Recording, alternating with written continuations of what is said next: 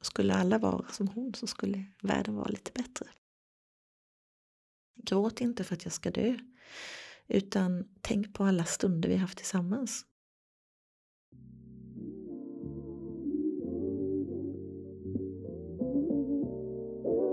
Du lyssnar på podcasten Låt en kvinna tala.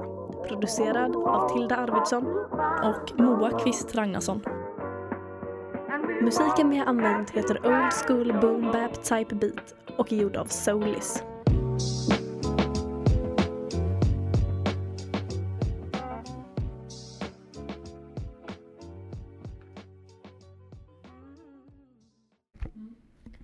Detta avsnitt är den andra delen om Linda och om hennes relation till sin mamma.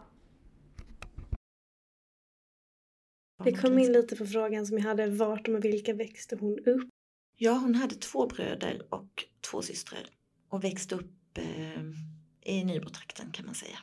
Och det som hon eh, säger, det, det, är två ställen egentligen som är viktiga för henne där. Det ena är Hälleberga där hon och hennes syskon är födda. Det ligger utanför Orvos vid en kvarn där min morfar var mjölnare.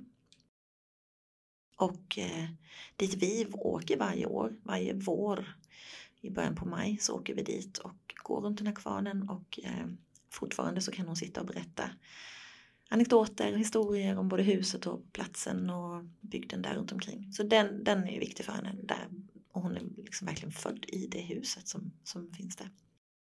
Och en annan plats som är viktig för henne var Svalehult, ligger också utanför Nybro där mina äldre syskon och mamma och pappa bodde och där hon hade morfar hemma. Tills, och jag tror att han fick sin hjärtinfarkt och eh, i hemmet där också. När han gick bort då. Och i hennes fall är det ju pappan som har varit väldigt viktig för att mamman blev sjuk så min morfar lärde henne att baka bröd och laga mat och sådär när hon var liten.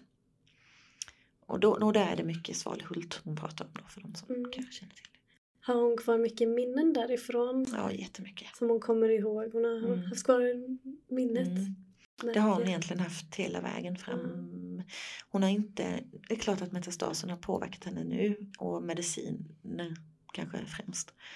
Men eh, det som hon, och det skrattar vi åt för det gör vi allihopa, vi blandar ihop namn, vi är så många, vi är så stor familj. Vi ju, om vi ska samla de närmaste så är vi ju lätt 25-30 personer. Liksom. Eh, så namn förväxlar hon och det gör vi allihopa. Hon, hon kan liksom dra hela syskonskaren innan hon kommer till rätt syskon eh, med namnen. Men det gör ju vi med så det är inte så konstigt kanske. Nej, Mm. Hur var hennes barndom? Du sa att men det var mycket fokus på pappan i den familjen. Var det någon speciell anledning? men det var ju just eftersom eh, min mormor då blev sjuk så tidigt när mamma bara var tio. Så blev ju mammas barndom egentligen att bli stor väldigt fort. Eh, eller vuxen väldigt fort. Bli en extra mamma för sina syskon. Hon var äldst i den här syskonskaren. Ehm, och hon blev väldigt värdefull och viktig för mina mostrar och mina morbröder. Då. Ehm, och som jag sa så var ju hennes pappa den stora idolen som hjälpte henne med det som kanske i vanliga fall en mamma eh, hade lärt henne. Jag tror att hennes barndom var också hon föddes ju 36 och så började ju kriget 39, eh, andra världskriget. Så jag kan tänka mig att de första åren för henne, första tio åren också, var lite speciella. Men vi har inte pratat så jättemycket om det. Utan det hon, när när hon berättar för mig så pratar hon oftast ljusa minnen. Um, och det har jag fått höra av min son att mamma du, du glömmer ju bort det som inte är bra. Och det tror jag jag har fått av henne att jag tänker inte så mycket på, eh, på det allra värsta eller oroar mig för det värsta utan minns det som var bra och om det var något som inte var bra så kan jag, jag kan komma ihåg att jag hade en känsla av att det inte var bra men jag kan inte komma ihåg exakt vad folk har sagt till mig. Utan det är mer bara ett, en, en känsla av mörker men som jag släpper och försöker fokusera på det ljusa. Det tror jag absolut att jag fått av henne. Hon har varit med om mycket kan man säga. Ja det har hon ju. Så hon har ju faktiskt varit med i, i höll på säga, ett krig också. Eh, och jag tänker som, som dotter att jag kanske skulle ha frågat ännu mer egentligen. Eh, samtidigt som ibland så nu är inte det barndom, nu är detta kanske mer när hon fick sina fyra första barn vet jag också att hon hade det rätt så tufft med den eh, mannen hon hade då. Men han har hon inte pratat mycket om. Ehm, och hon, inte ens till mina syskon.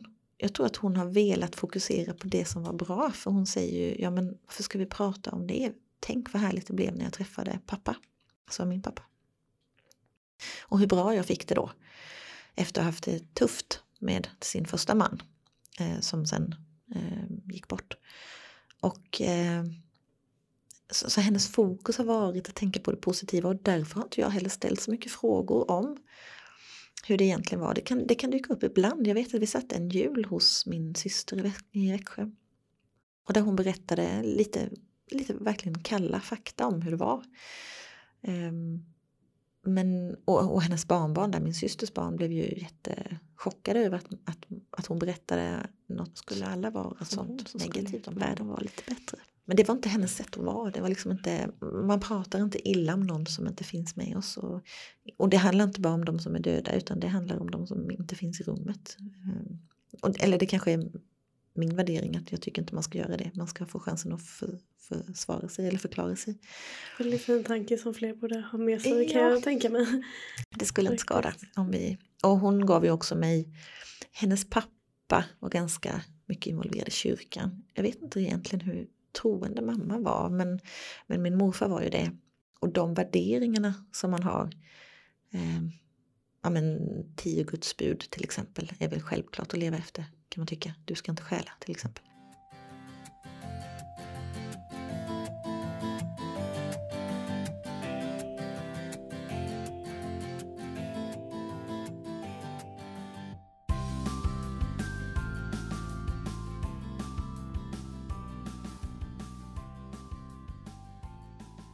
Men vi hade ju aldrig någon speciellt religiös uppväxt. Och hon var inte, däremot så sjöng hon mycket i kyrkan så att man fick ju det med sig. Och det jag tar med mig som jag har spridit till alla mina elever tror jag och till min son är ju den gyllene regeln. Som du vill att andra ska vara mot dig ska du vara mot dem. Och det är jag helt säker på att jag fått ifrån henne. Eh, och, och, och bara den enkla regeln hade ju gjort vår värld rätt mycket finare om alla hade levt efter den. Definitivt. Ehm, så det gav hon mig också intresset för sång och musik. Ehm, vi sjöng tillsammans under många år i en kör i Nybro som heter Våghalsarna. Ehm, nu sjunger jag i en kör som heter Månkören och det är hennes absoluta favoritkör att gå och lyssna på. Det var under många veckor hennes mål att hålla sig tillräckligt frisk för att kunna gå och lyssna på oss. Vi sjunger i november, sen har vi konsert. Men det är klart att det kommer hon inte kunna vara med på. Men det har ändå varit hennes mål och hennes förhoppning att kunna bli frisk eller kunna vara tillräckligt stark för att kunna ta sig ut och, och lyssna på det. Och musiken kom ju, hon sjöng hemma och eh, ville att vi skulle spela instrument så jag spelade piano och blockflöjt när jag bodde hemma när jag var liten. Och hon spelade på pianot också så, så där har man ju en annan del av mig som har gått vidare från, direkt från henne. Och musiken har varit mycket till hjälp nu när hon har legat sjuk och jag har spelat musik så ibland så gråter hon när det är fina texter. Tills för några veckor sedan så sjöng vi mycket ihop. Um, hennes favorit är när jag sjunger mor, lilla mor, vem är väl som du, ingen i hela världen. Och så tog hon över texten för jag glömde bort texten och så sa hon den ska väl du kunna. Men hon kunde den och eh, nu tyvärr så sjunger hon inte längre. Men eh, vi har sjungit länge tillsammans. Jag tänker mig att hon gärna lyssnar fortfarande. hon lyssnar jättegärna. Mm. Och vill veta vad vi ska sjunga för sånger med kören. Och, eh, ja, jag sitter vid sängen och sjunger med henne. Och det, det är ett sätt att mötas också i en, i en eh, när man har en stund av sorg över att vi snart inte har varandra längre så kan det ändå bli tröst och någon form av hopp hon har varit fantastisk på att kunna komma ihåg texter. Och det här har jag sett inte bara hos henne utan hos många äldre. Att de kanske tappar minnet. De kanske tappar förmågan att prata. Men de kan sjunga. Och de kan komma ihåg texter som är, ligger jättelångt bak i tiden.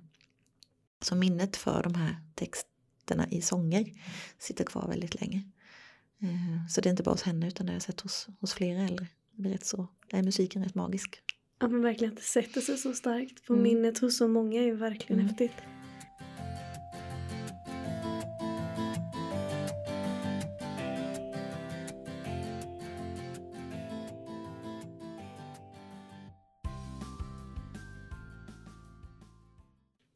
Vem var hennes första kärlek? Var det mannen som hon fick? Mm, nej, hon hade någon annan kärlek där i 15-16 års ålder berättade min syster Ann för mig. Det visste inte jag.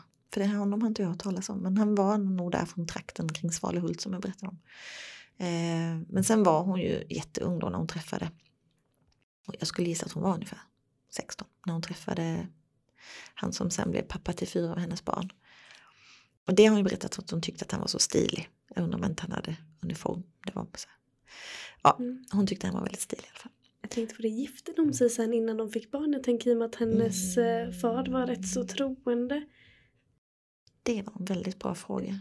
Det är inte lätt att veta heller. Jag kommer faktiskt inte ihåg om de gifte sig innan Tony föddes. Nej, det gjorde de inte. För det här var ju så tufft för morfar. Um, att mamma skulle få barn utan att vara gift, precis som du sa. Det var inte jättepopulärt.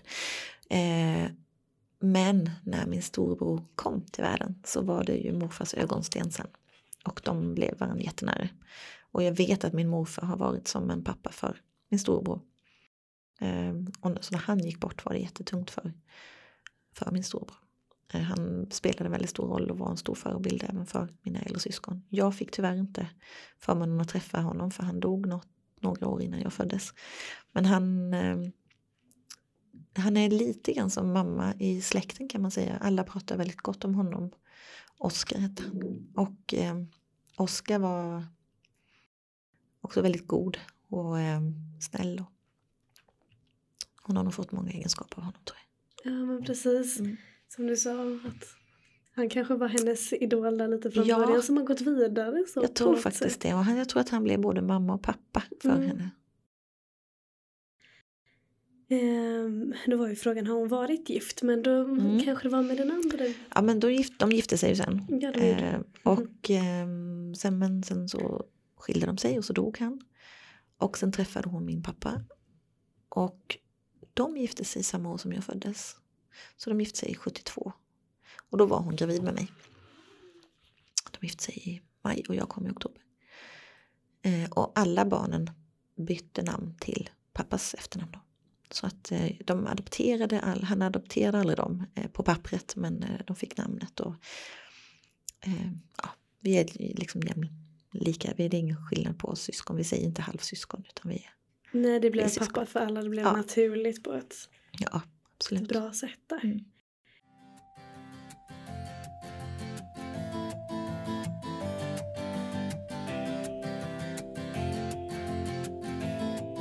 När fick hon sitt första barn? Det tror jag du ja, också. hon var 17 då när hon mm. fick sitt första barn. Född 36 och han kom hon, 53. Ja, har hon eh, berättat någon reaktion?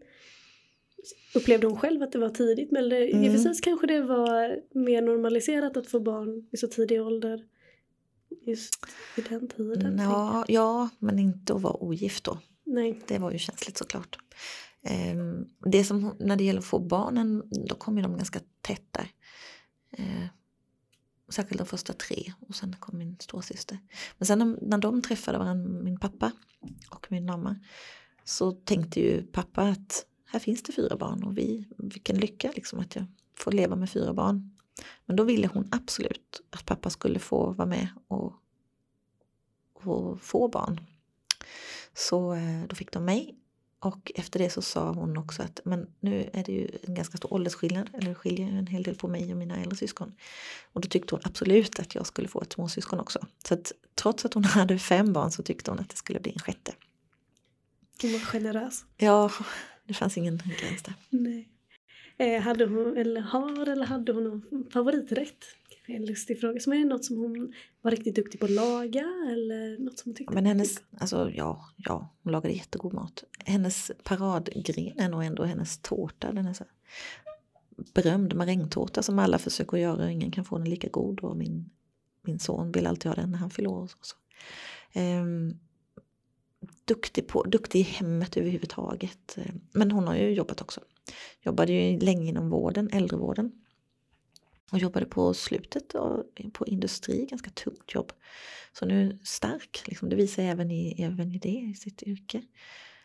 Jag tänker, har hon rest mycket i sitt liv? Har hon varit utanför Sverige? Tyckte hon om att eh, ta sig hemifrån eller tyckte hon om sin trygga punkt? Jag, när hon var ung reste hon ju inte. Eh, vi har rest lite grann tillsammans.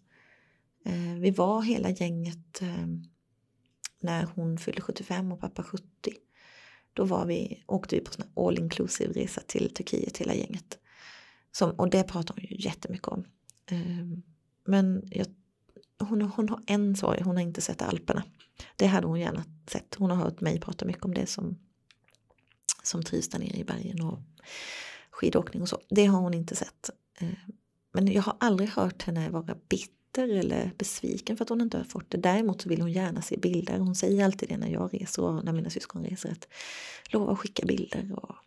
Så jag känner att hon lever genom oss. Och det tänkte jag på när jag såg den, ert arbete. Det här med att låta en kvinna tala. Hon har ju många gånger levt genom sina barn. Eh, talat om oss barn Eh, framhävt oss. Hon har aldrig sagt jaha och ni kan resa, vad roligt för er då, det hade varit kul att följa med. Utan hon har verkligen varit tacksam för att vi har haft möjligheten att resa. Har ju också varit med oss på några resor ehm, till Mallorca bland annat och Gran Canaria. Hon älskar ju solen. Det som är hennes favoritplats annars är Öland. Ehm, där hon, det var i vintras till exempel när vi fick de här tuffa cancerbeskeden för henne. Då var ju det ett mål att, att kunna vara i husvagnen på Öland. De har hus i Nybro och eh, åker till eh, Öland över säsongskampar då hela sommaren. De har rest mycket med husvagnen innan. När vi var barn då skulle man inte stanna på någon camping. Då skulle man åka vidare. Vi var mycket i Norge och norra Sverige. Men sen när Eh, Eh, när jag slutade vara med och resa, när jag började sommarjobba och så. Då ställde de upp husvagnen plötsligt på camping och vi var jätteförvånade alla barn att jaha, nu ska ni inte köra med nu då. Men det blev ju nästan som en sommarstuga. De klipper gräs och de har blommor och de liksom fixar ju runt omkring den här husvagnen som om det vore ett litet sommarställe. Och där vi samlas, hon fyller på sommaren så där samlas vi alltid där. Och hela släkten åker dit för att bada och eller njuta av Öland. Häftigt, så det blir som en mötesplats. Ja, det är det faktiskt. Det är det. Ja, mycket. Men jag vänder in lite på frågan vad det bästa hon vet är. Jag misstänker att det kanske är några toppade dagar där. Absolut. Med sol och bad och framförallt med de nära och kära runt omkring sig. Då mår hon som, mådde hon som bäst. Ja, precis. Och så är det ju även nu när hon ligger sjuk. Eh, det är ju besöken som som är hennes tröst och hennes, eh, ger henne styrka. Eh, och trygghet och lugn som hon behöver nu då. Och det är många som vill hälsa på henne. Vi fick under en period ta det lite lugnt med besök för att hon eh, fick behandling som gjorde att hon var dels infektionskänslig och också ganska, ganska slut och, eh, och speedad samtidigt av mediciner så hon eh, behövde få lugn runt omkring sig. Och det var svårt för vi var många som ville åka och hälsa på så vi fick liksom påminna varandra om att nej, vi ska inte besöka henne nu förrän hon har kraft till och ta emot besök. Ja, precis. Jag kan tänka mig att det inte var lätt för henne heller. Att hon vill ha Nej. alla runt omkring sig ja, samtidigt. det hade hon velat. Mycket, mycket hellre. Mm. mm. Ja, jag vet när jag var borta en vecka så sa hon när jag kom sen, åh vad du varit borta länge, det är säkert tre veckor sedan du var här. Så hon upplevde ju det så. Hon upplevde ju att det var jättelång tid och då var det faktiskt bara en vecka som jag inte hade varit där. Och det är mm. jättelång tid för henne. Mm. Och nu när hon är så sjuk och ligger dåligt så märker jag också att om jag är där på dagen och hon går och lägger sig och vilar och vaknar en timme senare så säger hon nej men god morgon, har du kommit redan? Alltså hon har ju inte någon tidsuppfattning längre, hon är ju riktigt, riktigt sjuk. Eller har, har du varit här så länge? Och hon är ju jätteglad att se henne igen, att man är kvar. Och hon vill ju prata och, och vill minnas tillsammans och prata om de goda stunderna. Och hon sa till sina barnbarn nu när de var hälsade på för några veckor sedan att gråt inte för att jag ska dö. Utan tänk på alla stunder vi har haft tillsammans. Och allt roligt vi har gjort och allt fint vi har haft. Det är hennes mantra nästan kan man säga. Det känns ibland som att hon är den som tröstar oss. Och så var det när hon fick sin första cancerdiagnos så var vi ju rätt chockade och ledsna såklart. Eh, och då var hennes ständiga fråga till mig hur mina syskon mår och hur tar de dig och är de mycket ledsna? Eh, och å andra sidan om min bror kom på besök så frågade hon nu hur tar Linda det? Är hon mycket ledsen? Hon ville liksom trösta oss i det här. Ja. Och har hela tiden varit inställd på att hon skulle bli frisk. Och nu när hon ser att det inte går längre så då, då är det som att hon vill förmedla att vi inte ska gråta och deppa ner oss utan vara tacksamma för att hon fick ett långt lyckligt liv och allt roligt vi har gjort. Och jag försöker bara att, att vila i, i känslan att all kärlek jag fått av henne och allt vi upplevt, att hon, är, att hon är nöjd med sitt liv. Det hade varit tuffare tror jag om hon hade legat och varit bitter eller eller man inte haft en bra relation till henne, då hade det här varit en jättetuff situation. Men jag kan, jag kan verkligen känna att, att jag kan, och jag tackade henne häromdagen när jag var hemma för allt hon har gett mig och påminde henne om att hon är världens bästa mamma. Den här klyschan som många säger, men i mitt fall är det faktiskt så att jag har världens bästa mamma. Eh, det är jag inte ensam om att säga. Mm, precis. Och att hon har den positiva inställningen ja, men nu till och med. Det är ju också Mm. väldigt inspirerande. Mm, det är fantastiskt att se. Det tror jag inte många har. Som du säkert också förstår. Ja, hon är eh, otrolig det. Och, eh, och tacksam. Det skulle jag vilja skicka med. Att, att, tacksamhet är någonting som har gjort att hennes liv har blivit som det har blivit. Att istället för att vara ledsen för att man inte kan cykla längre som var hennes favorit kanske. Så är hon tacksam för hur mycket hon har kunnat cykla i sitt liv. Eh, istället för att vara ledsen för att hon snart inte kommer att se sina barnbarn längre så är hon tacksam för alla fina barnbarn hon har fått och hon har kunnat följa och älskad av väldigt många för att hon är den hon är. Inte för att hon, hon har ju aldrig haft möjlighet att ge dyra presenter eller eh, muta någon med pengar. Utan hon har gett kärlek. Och det har gjort att hon har fått så mycket kärlek tillbaka. Så att hon säger att jag har inte mycket pengar men jag är rik för jag har så mycket barn och barnbarn. Och så mycket kärlek i sitt liv.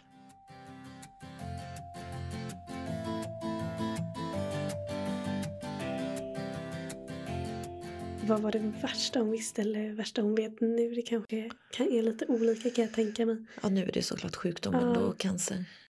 Men innan tror jag det var när hon såg att människor inte behandlade varandra väl. Det hade hon otroligt svårt att se.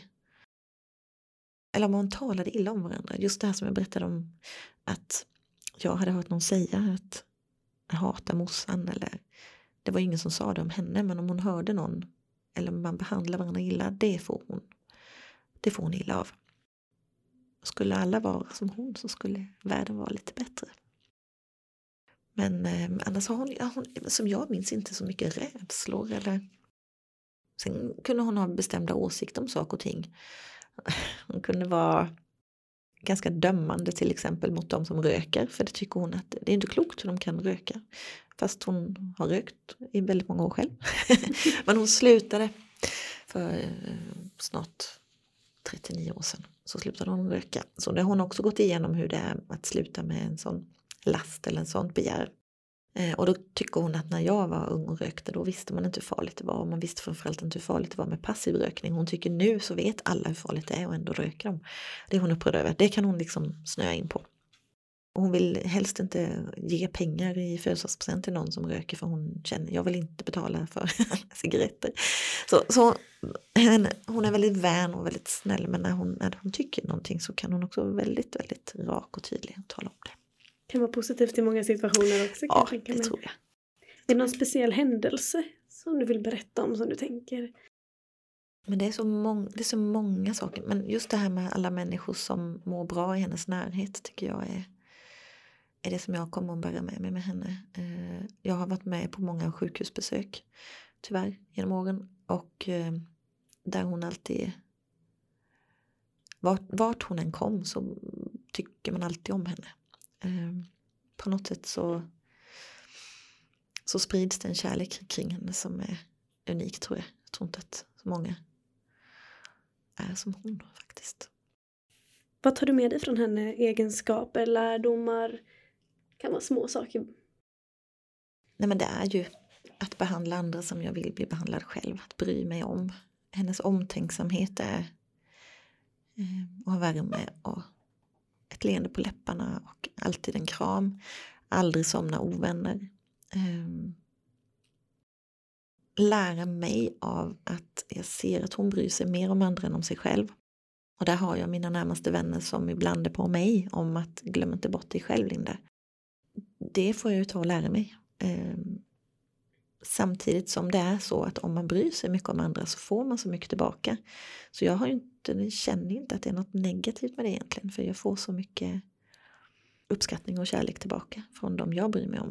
Men det är klart att ibland kan man känna att man kanske måste stanna upp och inte minst nu när hon är sjuk och, och orkar sörja och orkar eh, minnas positiva saker. Och, och det här positiva sättet det har vi, och det är inte bara mamma, det är hennes eh, framförallt kanske systrar likaså.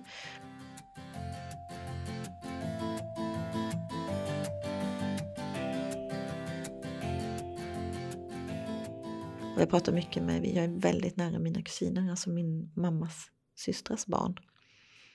Och vi pratar mycket om, om hur man är, eh, att vi är väldigt nära och kära varandra i att man bryr sig om varandra. Det, det är ju jättemycket från henne. Eh, att man bryr sig på riktigt, inte bara ställer frågan hur är det och så lyssnar man inte på svaret utan när man sitter och pratar med henne så, så känner man verkligen att hon lyssnar. Och den egenskapen hoppas och tror jag att jag har och har haft nytta av, i, inte minst i skolan såklart. Med elever som kommer till mig och så. Um, och sen egenskapen såklart att sjunga, att uh, spela musik. Egenskapen att röra på mig, att vara intresserad av idrott har ju kommit från henne till viss del. Naturen, vara ute, det, det vill jag väl vara ännu mer egentligen. Är ju det genom skidåkning och cyklat Vätternrundan i sommar. Mm. Så det är klart att jag är ute i naturen. Och sen är jag kanske dålig på det här som hon gjorde, att plocka svamp och safta och sylta och så. Det gör ju inte jag. Hon var ju jätteduktig i hemmet och fixade mycket.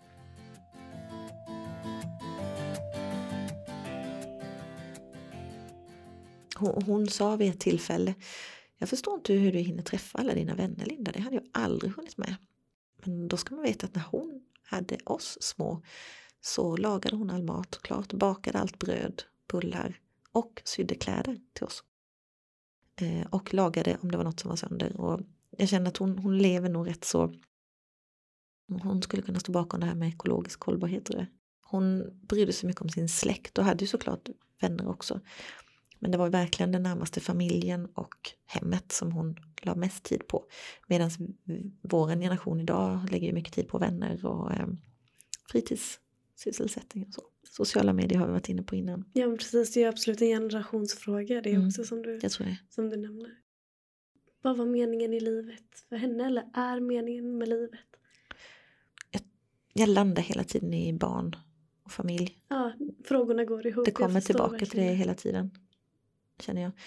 Eh, och musiken och sången och vänligheten och kramar. Det är nog det.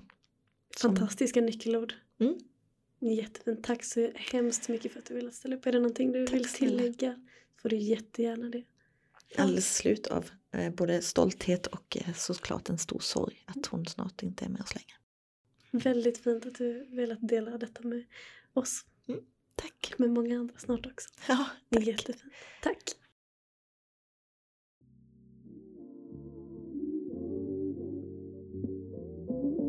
Du har lyssnat på podcasten Låt en kvinna tala. Tack för att du har lyssnat.